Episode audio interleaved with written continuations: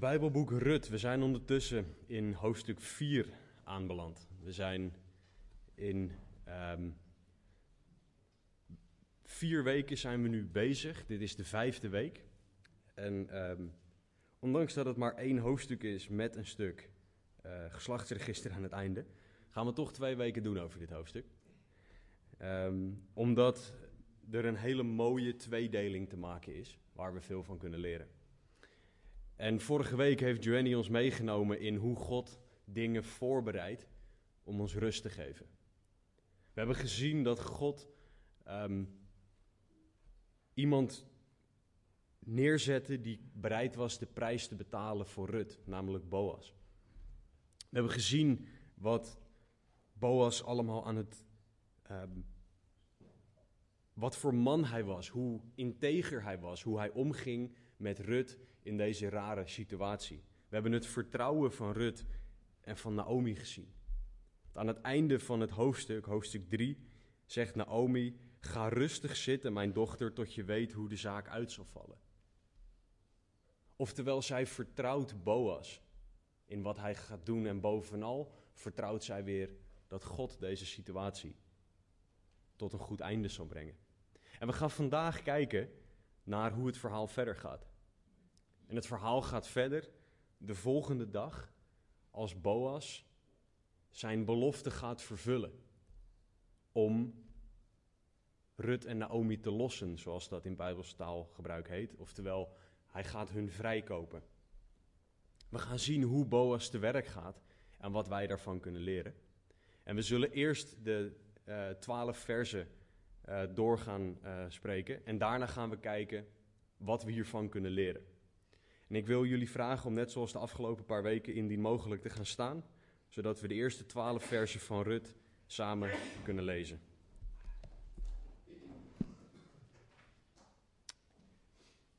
Rut 4, beginnend in vers 1.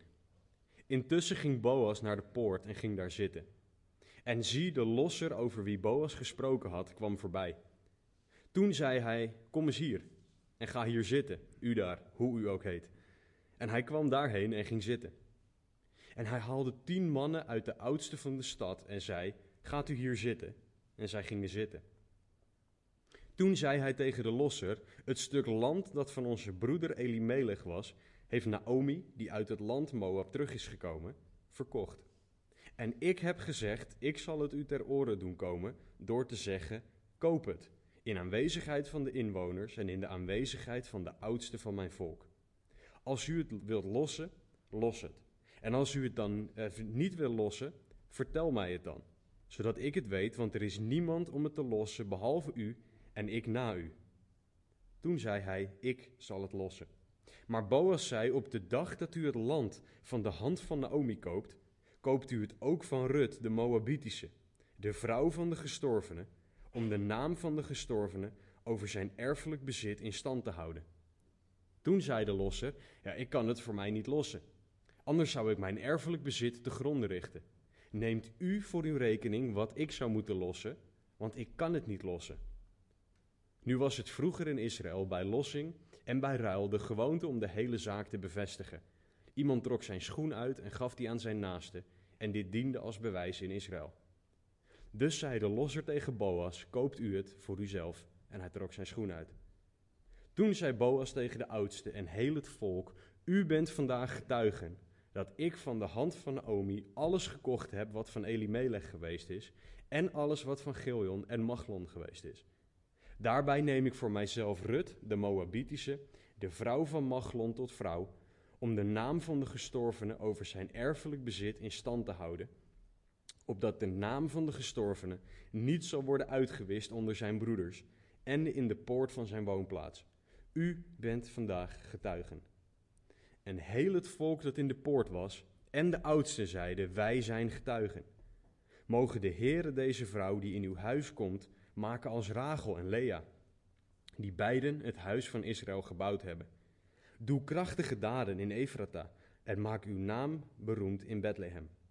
En mogen uw huis worden als het huis van Peres, die Tamar en Juda baarde, door het geslacht dat de Heere u uit deze jonge vrouw geven zal. Heere, dank u wel Dank u wel voor dit woord. Dank u wel voor wat u wil spreken hier doorheen. Heer, open onze harten, open onze oren. Heilige Geest, doe uw grote wil vanochtend. Heer, geef mij uw woorden, laat er niks van mij tussen zitten. En raakt u alle harten aan.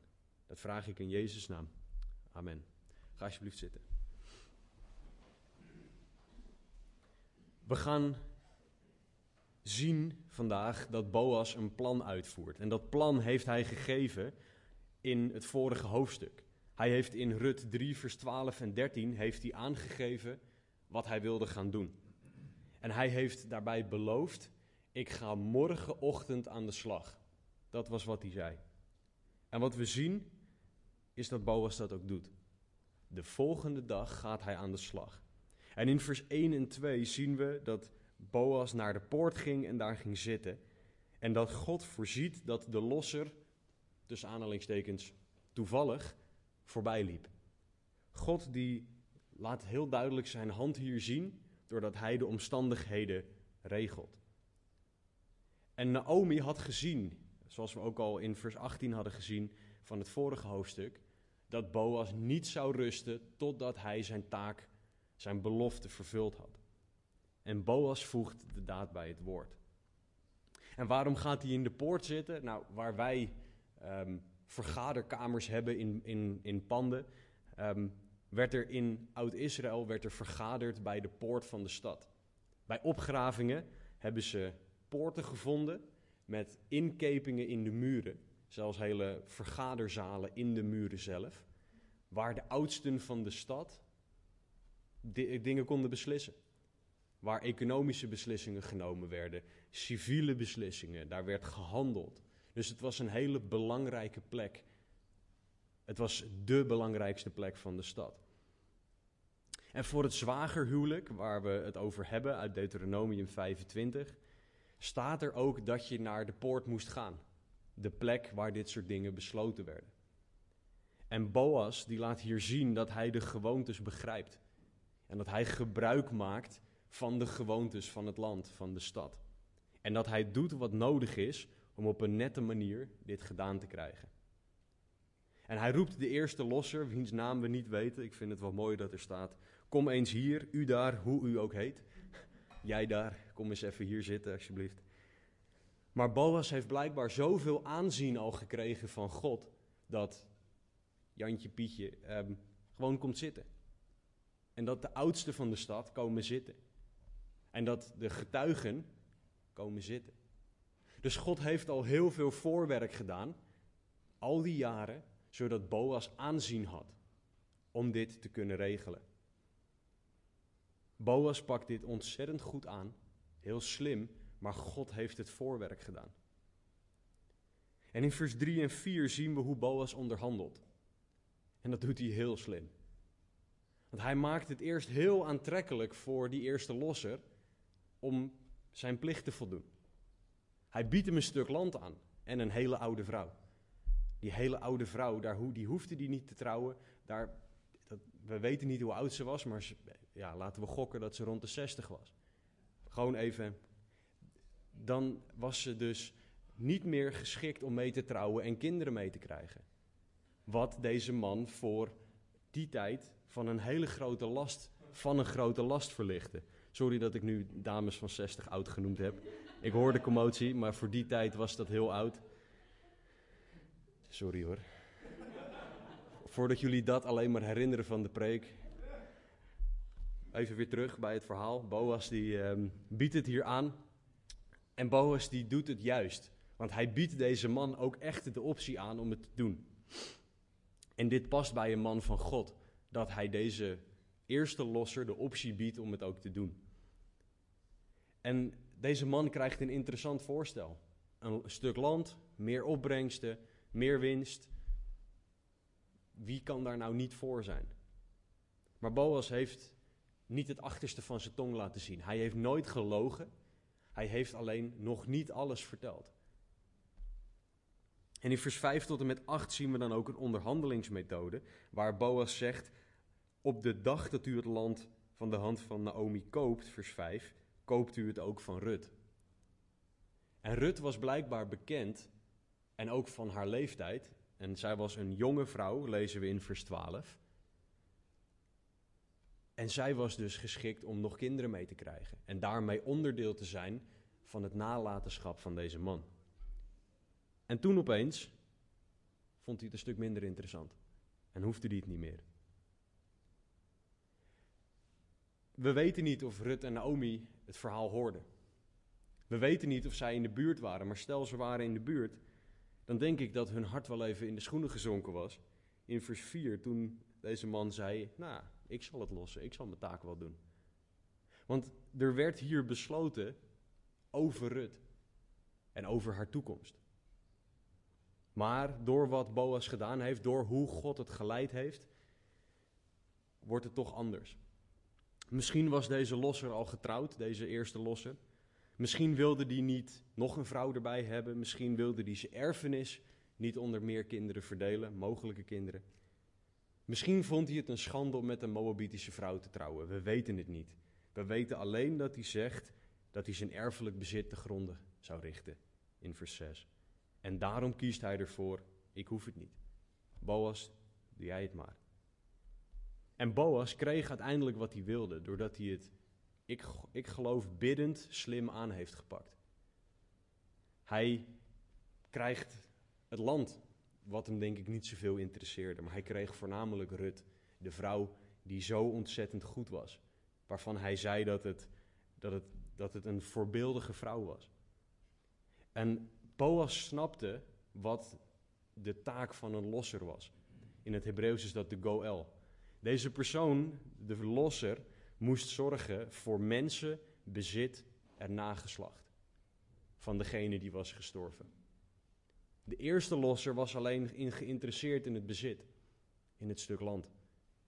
Maar de taak voor een losser was zorgen voor de mensen die overbleven, voor de weduwe en mogelijke kinderen het stuk land moest in de stam blijven, de stam waar deze, um, de stam Juda in dit geval. En er moest voor nageslacht gezorgd worden, zodat de familienaam intact bleef, zoals we ook overlezen wat Boas wel op zich wil nemen. Boas wilde het hele plaatje op zich nemen. De eerste losser alleen het bezit, want dat gaf hem voordeel. Boas denkt aan wat God voordeel, wat God eer brengt. En we zien in vers 7 tot en met 12 dat Boas zijn God gegeven verantwoordelijkheid oppakt. Hij trouwt met een familielid om de familienaam intact te houden. En we zien dat God dit zal zegenen. Want ze krijgen uiteindelijk ook kinderen. En de bloedlijn waar Boas dan onderdeel van wordt, is de bloedlijn van koning David. En uiteindelijk van Jezus Christus. Boas deed wat juist was in Gods ogen. En God zegende dat. Boas vervulde het woord van God. En God zegende dat. En in vers 11 en 12 zien we dat er iets heel moois gebeurt. De oudste van het volk, de oudste van de stad, die zegenen dit huwelijk. Er zijn niet alleen getuigen bij voor dit huwelijk, maar er zijn ook mensen bij die het zegenen. En hier vanuit dit gedeelte komen een aantal eigenschappen uh, naar voren die wij ook nog in ons hedendaags huwelijk hebben. Getuigen, een zegen die uitgesproken wordt. Zo zijn er nog een aantal details. En de zegen die men vraagt is een overvloed aan kinderen. Want dat was heel belangrijk in die tijd. Rachel en Lea brachten twaalf zoons voort. En dochters. En dit was de basis voor het volk Israël. De twaalf stammen en de afstammelingen daarvan. Het huis van Peres, waar ze naar verwijzen, is waar de stam Bethlehem vandaan, of waar de inwoners van Bethlehem vandaan komen. Wat ook een vrij aardige stad was, dus ook veel mensen, veel nageslacht. En de oudsten van deze stad hadden door dat elk huwelijk de zegen van God nodig heeft. Elk huwelijk heeft Gods aanwezigheid nodig om het juist te kunnen laten zijn. En wat we nu aan het einde van vers 12 zien, en we gaan zo rustig gaan teruggrijpen. Maar we zien hier dat Boas gekregen heeft wat hij wilde. Hij heeft de vrouw gekregen die hij graag wilde. Hij heeft Naomi rust en bescherming gegeven. En hij heeft zelfs een stuk land erbij gekregen. En dat allemaal voor iemand die afstamt van een vrouw die geen Joodse was. Boas was een afstammeling van Rahab, de prostituee, waar we over lezen in Jericho. En deze man wordt door God gebruikt om de bloedlijn van Jezus Christus intact te houden. Deze man wordt gebruikt om Naomi en Rut bovenmate te zegenen. Dit kan alleen maar door God bewerkt zijn. Zijn hand is hier heel duidelijk in. En waarom? Omdat Boas Gods wet boven alles wilde volgen. Hij was niet meer geïnteresseerd in bezit dan dat hij dat was, dan dat hij geïnteresseerd was in Gods wil doen. En God zegende dat. Maar als we dan nu dit verhaal hebben, deze twaalf versen, waarbij er eigenlijk gewoon heel plat een deal gesloten wordt over mensen. Wat kunnen wij hier nou in 2018 van leren? Nou, we, kunnen, we gaan naar vier dingen kijken die we uit dit verhaal kunnen leren. We gaan ten eerste kijken naar de trouw van Boas. En wat, hoe ontzettend leerzaam dat is. We gaan kijken naar Boas als beeld van Jezus Christus. We gaan kijken naar het hart van de eerste losser. Wat deed deze persoon, wat deed deze man en waarom? En we gaan kijken naar het vertrouwen, het geloof van Rut en Naomi. Maar laten we beginnen met de trouw van Boas. In Rut 3:13 belooft hij: Ik ga morgen aan de slag om dit te doen. Want het was nog nacht toen hij dit beloofde. En we lezen dat Boas trouw is aan zijn woord. Hij ging direct aan de slag. Wat hij beloofde, deed hij. En de manier van Boas trouw was eerlijk. Geen vuile spelletjes. Niet al een deal gesloten hebben met de oudste en dan die losser er nog even bij halen en dingen een beetje in de schaduw regelen. Nee. Hij deed het eerlijk, hij deed het volgens de wet en hij deed het publiekelijk. Hij gebruikte goddelijke wijsheid, hij kreeg goddelijke wijsheid. En wat ik net ook al zei, ik geloof echt dat Boas gebeden heeft voordat hij deze situatie inging. Dat hij God gevraagd heeft om hem te leiden hierin hoe deze situatie aan te pakken. En dat mogen wij ook nog vandaag de dag doen. Ik heb altijd van mijn moeder geleerd: het kortste gebed dat je kunt uitspreken is help. Ik denk dat Boas wel een aantal keer help geroepen heeft in gebed naar de Heer.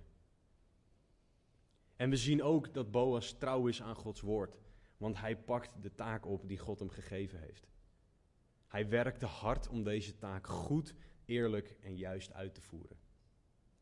En als we dan naar Boas kijken, zijn wij net als Boas? Kan over wat ik nu over Boas zeg ook over jou gezegd worden? Dat jij trouw bent aan je woord, dat jouw ja ja is en je nee nee. Boas maakte zijn belofte waar binnen de beloofde termijn. Boas zei: Ik ga morgen aan de slag. En hij ging morgen aan de slag. Hij gebruikte geen excuusjes, geen smoesjes om later aan de slag te kunnen gaan. En mijn vraag aan jou is dan: wat is jouw woord waard? Als jij zegt: Ik ga dit doen, doe je dat dan ook? Jezus zegt in Matthäus 5, vers 36 en 37: Bij uw hoofd mag u niet zweren, want u kunt niet één haar wit of zwart maken. Maar laat uw woord ja, ja zijn en uw nee, nee. Wat hierboven uitgaat is uit de boze. Vaak gebeurde het, dat, en dat doet men nog steeds, dat we een soort eet gebruiken of gaan zweren om dingen meer gewicht te geven. Jezus zegt, als jij ja zegt, dan moet het ja zijn. En als jij nee zegt, moet het nee zijn. Hoe zit dat bij jou? En als jij dan aan je woord voldoet, hoe doe je dat dan? Is dat oneerlijk? Achterbaks? Steek je iemand een mes in de rug, lachend? Loop je de kantjes ervan af? Doe je iets omdat het moet? Of zet jij je 100% in omdat jij je woord gegeven hebt en jij trouw wil zijn aan het woord dat jij geeft? De manier van trouw is heel erg belangrijk. Hoe ben jij trouw aan je woord? En bovenal ben jij trouw aan Gods woord. Boas wist wat hij moest doen. Boas wist wat God van hem verwachtte. En dat deed hij. Maar weten wij dat ook? Een van de dingen waar mensen het over hebben tegenwoordig is de zin van het leven. Waarom zijn wij op aarde en dat soort vragen? Nou, gelukkig geeft de Bijbel daar een antwoord op. En dat antwoord hoort alles te kleuren wat wij doen. Dat hoort impact te hebben op elke keuze die wij maken.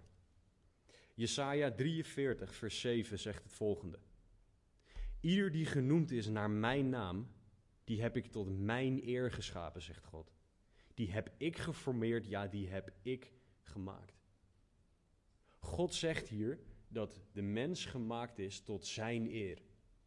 Dus de vraag bij alles wat wij doen is of het God eer brengt of iemand anders.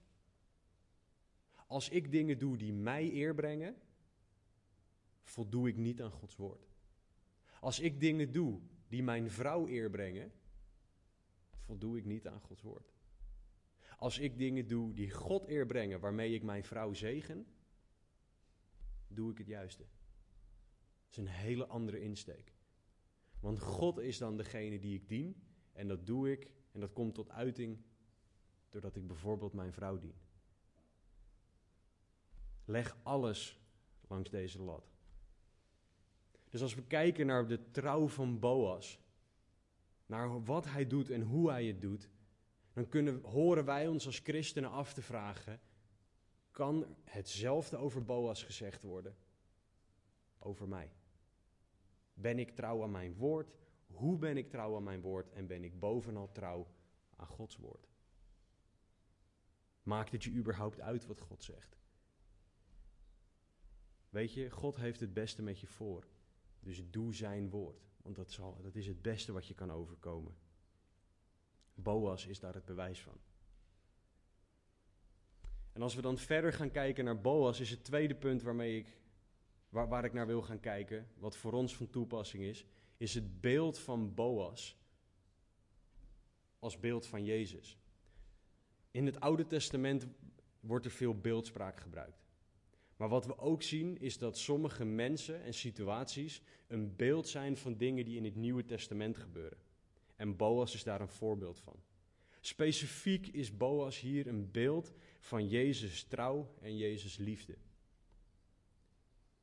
We zien dat Boas eenzelfde karakter heeft als Jezus. En we, we weten dat Jezus altijd trouw is aan zijn woord. Dat staat in zijn woord.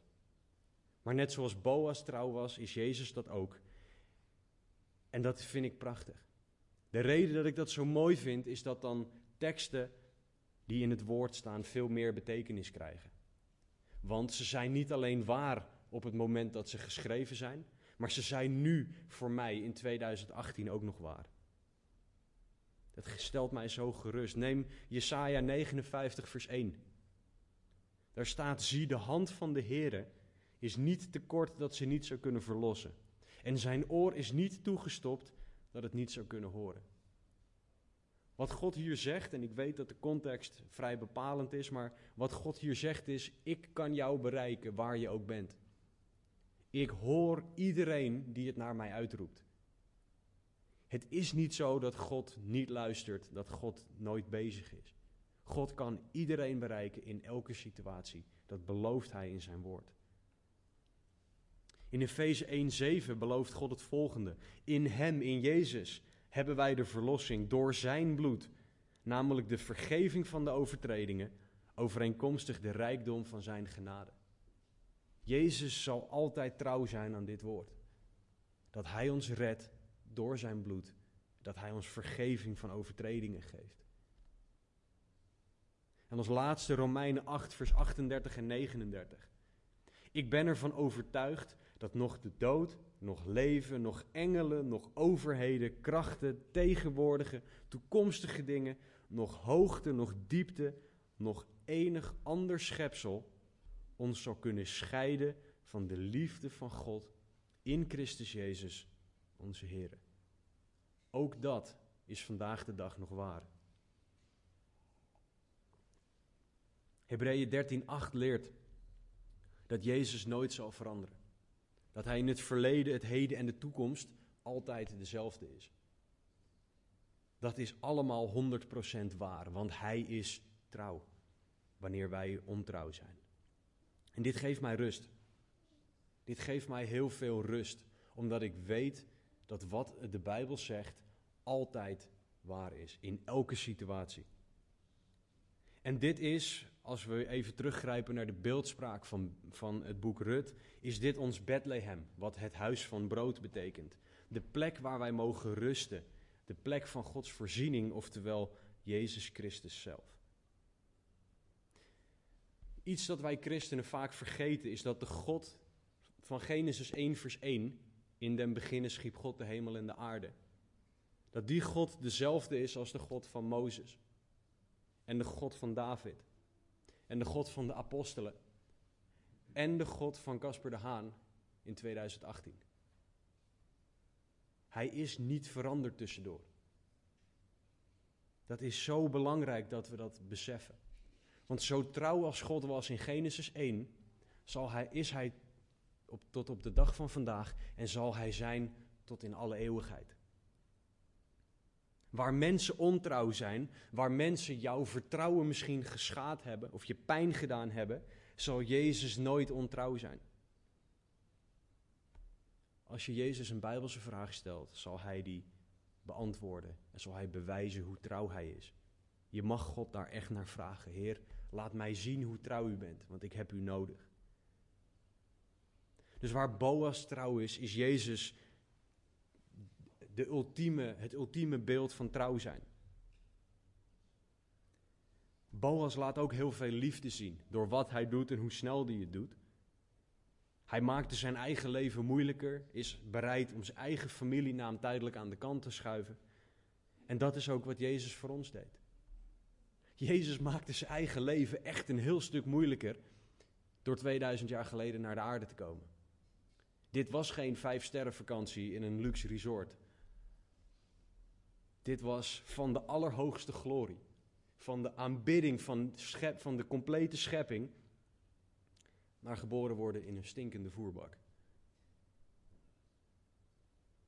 We hebben soms zo'n zo'n zo'n zo'n beeld van dat, dat alles perfect ging in de, bij, de, bij de geboorte van Jezus.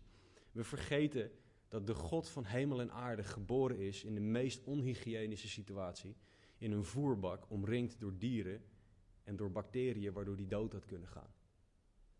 En dat deed hij voor jou en voor mij. Zoveel liefde had hij voor, voor ons. Hij ging van aanbeden worden naar uitgekotst worden door de mensen. Hij ging van de hemelse eer naar de dood aan het kruis voor jou en voor mij. Dat is liefde. Romeinen 5 vers 8 verwoordt het als volgt. God echter bevestigt zijn liefde voor ons daarin dat Christus voor ons gestorven is toen wij nog zondaars waren. Jezus stierf toen wij hem pijn deden, toen wij hem in het gezicht spuugden door onze zonde. Dat is hoeveel liefde hij heeft. En dit is eeuwige liefde. In Jeremia 31:3 staat er: Met eeuwige liefde heb ik u lief gehad. Daarom heb ik u getrokken met mijn goedertierenheid.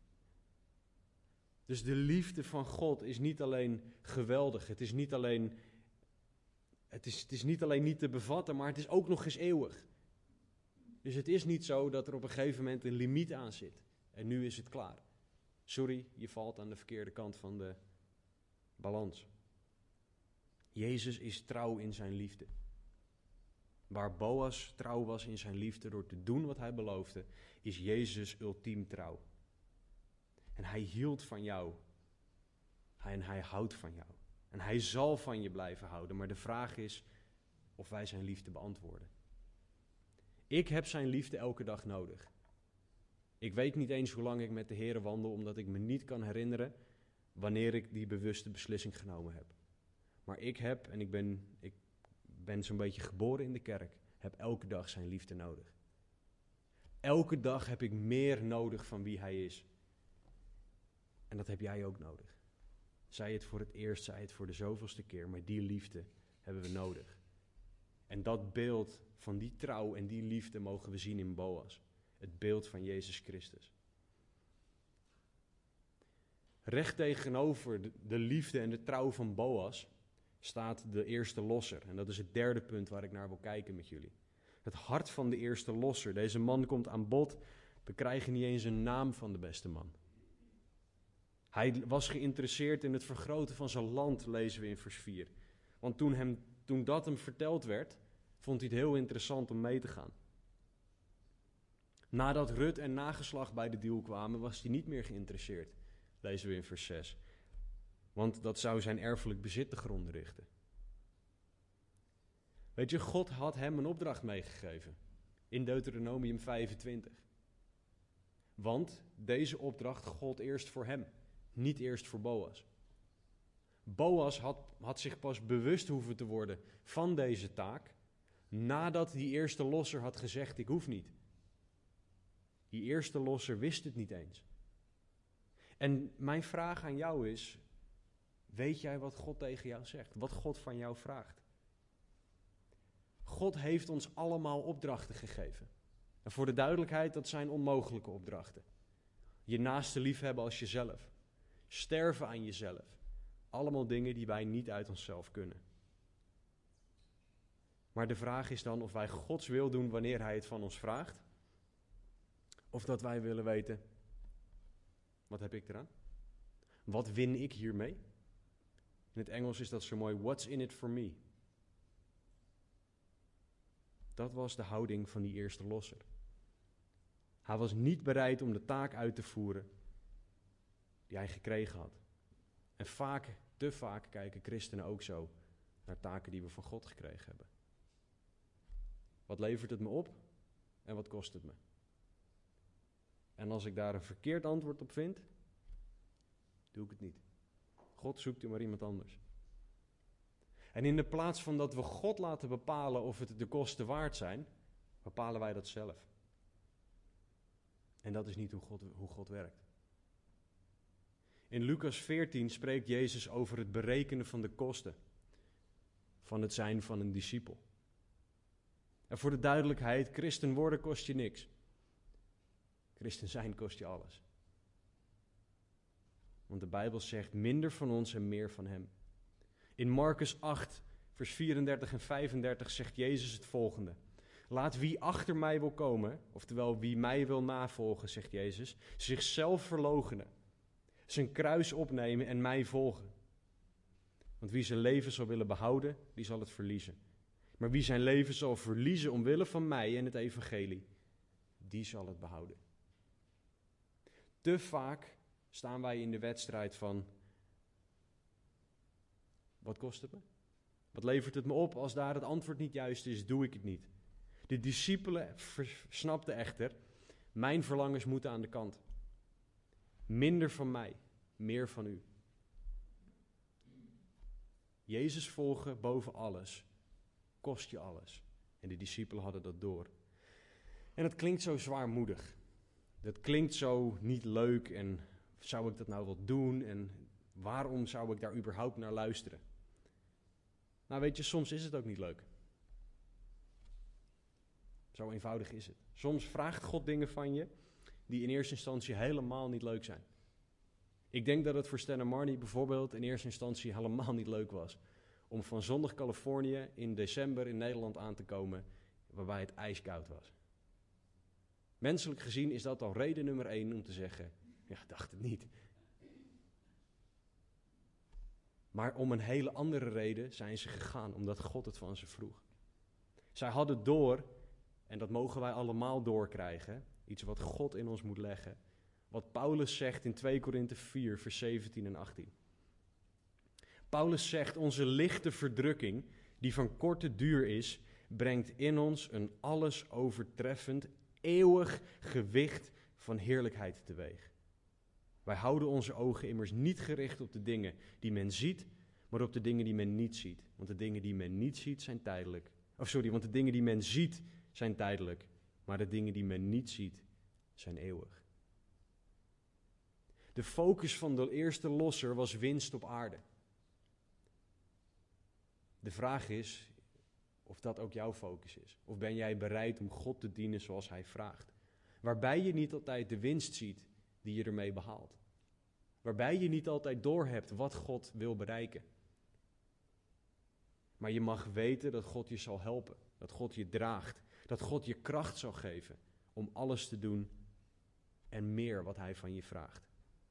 Wil jij Hem dienen op jouw voorwaarden, dan gaat God dat uit jou halen. Dat jij zo denkt, want God werkt niet op die manier. Als je Hem dient zoals Hij van je vraagt, is dat het beste wat je kan overkomen. Geef je leven echt helemaal aan Hem en dien Hem op Zijn voorwaarden. Niet zoals deze eerste losser.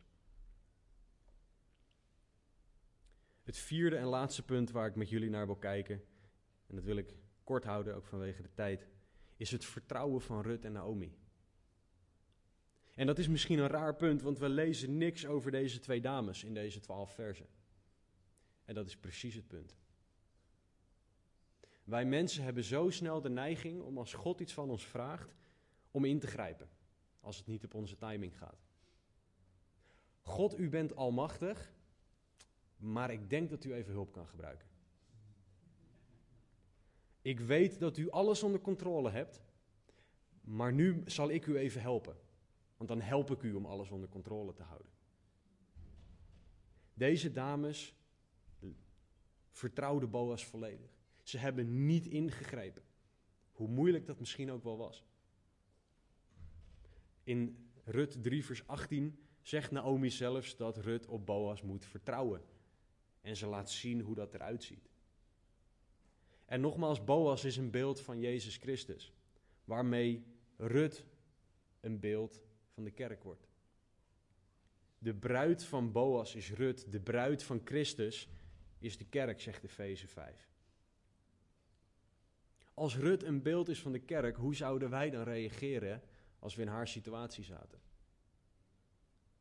Want vergeet niet, er wordt echt letterlijk over haar leven besloten, terwijl zij er niet bij is. Er wordt over haar toekomst besloten. Er wordt besloten met wie zij gaat trouwen. En met wie zij kinderen moet krijgen, nu haar man overleden is, om de familienaam intact te houden. Dit zijn geen kleine dingen om over iemand anders te beslissen. En we lezen nergens dat zij probeert in te grijpen. En hier kunnen wij als kerk heel veel van leren. Te vaak vertrouwen wij als kerk er niet op dat Jezus daadwerkelijk over de brug gaat komen. Jezus wil dat wij Hem blind vertrouwen. Dat wij Hem in alles altijd 100% vertrouwen. Maar dat kan alleen groeien als wij Jezus ook beter leren kennen. Ik vertrouw mijn vrouw nu blind, omdat ik haar steeds beter leer kennen. Bijvoorbeeld, de, ik, ik, je hoort wel eens van mannen die hun vrouw niet vertrouwen met hun creditcard hoef ik niet over na te denken. Ik heb geen eigen bankrekening voor Amit met een, met een stuk zakgeld erop elke maand. We hebben gewoon één rekening, want ik vertrouw haar blind. Maar dat komt doordat wij door de tijd heen elkaar steeds beter zijn gaan leren kennen. En dat is wat wij nodig hebben om Jezus blind te kunnen vertrouwen, ook in situaties waarbij er grote dingen over ons besloten worden kan niet als wij Jezus niet beter gaan leren kennen. Psalm 25, 14 leert dat God vertrouwelijk omgaat met wie hem vrezen. God die zegt dingen tegen mensen die hem vertrouwen, die hij niet tegen mensen zegt die God niet vertrouwen. Oftewel, God laat meer van zichzelf zien hoe meer wij hem gaan vertrouwen. En dat kan alleen als wij tijd met God doorbrengen. En dan komen we weer uit op het fantastische kinderliedje.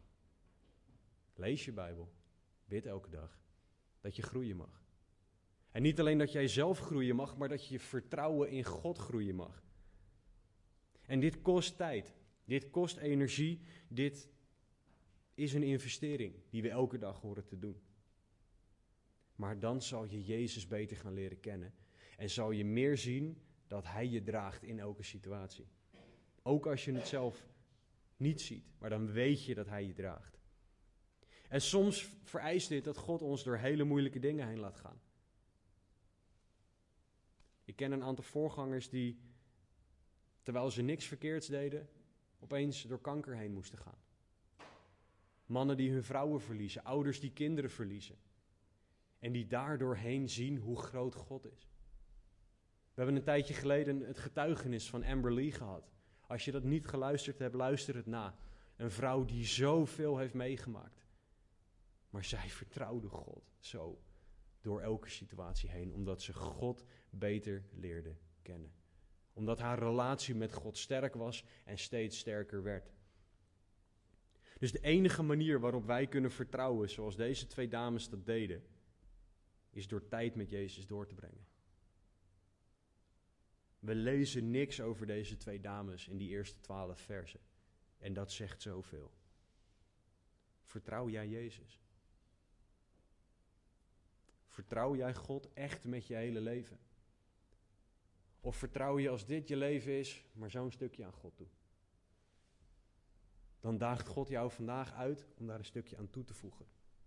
En om meer en meer en meer van je leven aan Hem toe te vertrouwen. Want Hij is te vertrouwen. Hij is ultiem te vertrouwen. Want Hij is perfect. Het boek Rut.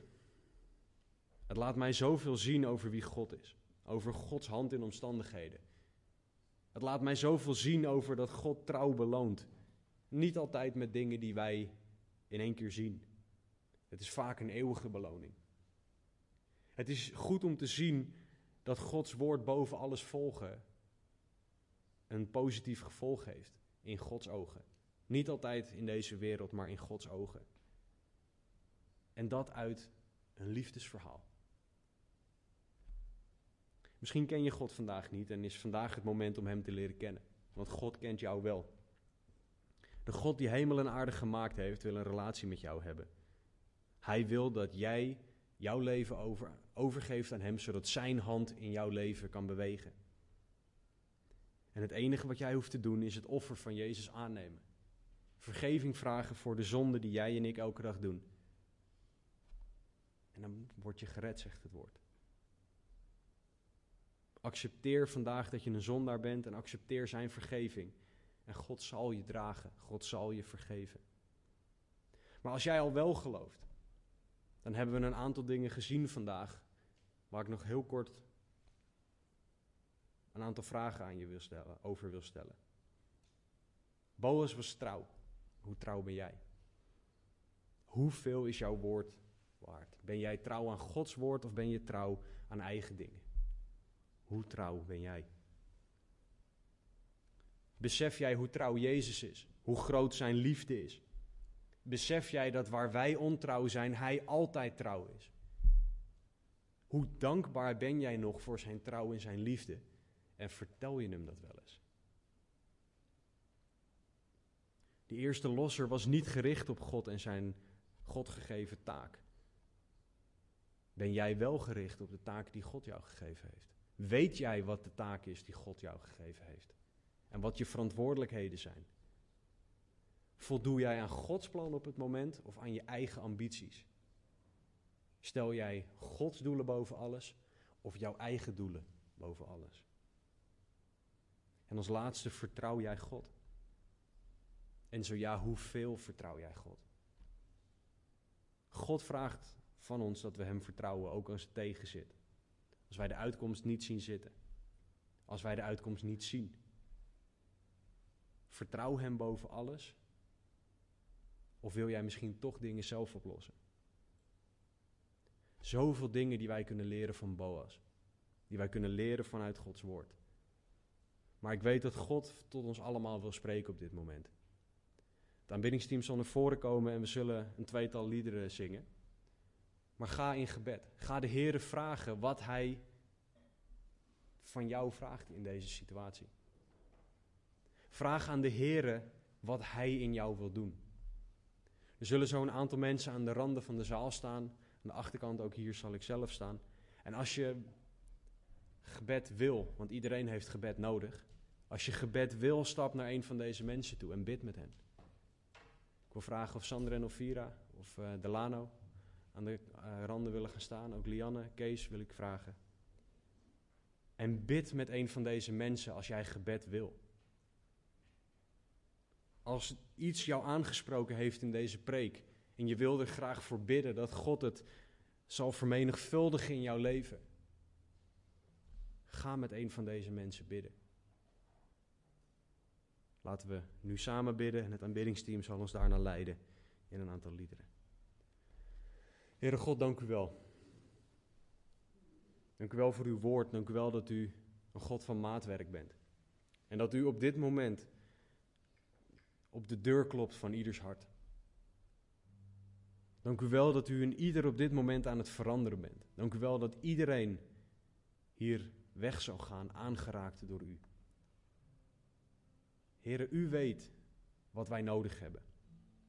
Heren, u weet waar wij tekortschieten, waar wij bemoediging nodig hebben. Waar wij uw liefde, uw oneindig grote liefde uit het oog zijn verloren. En heren, nog zoveel dingen die ik niet weet. Heer, ik bid dat u onze harten zal aanraken, dat u tot een ieder zal spreken. En het is mijn gebed dat u een ieder hier bemoedigt, veranderd weg laat gaan. Meer en meer lijkend op Christus. Dank u wel.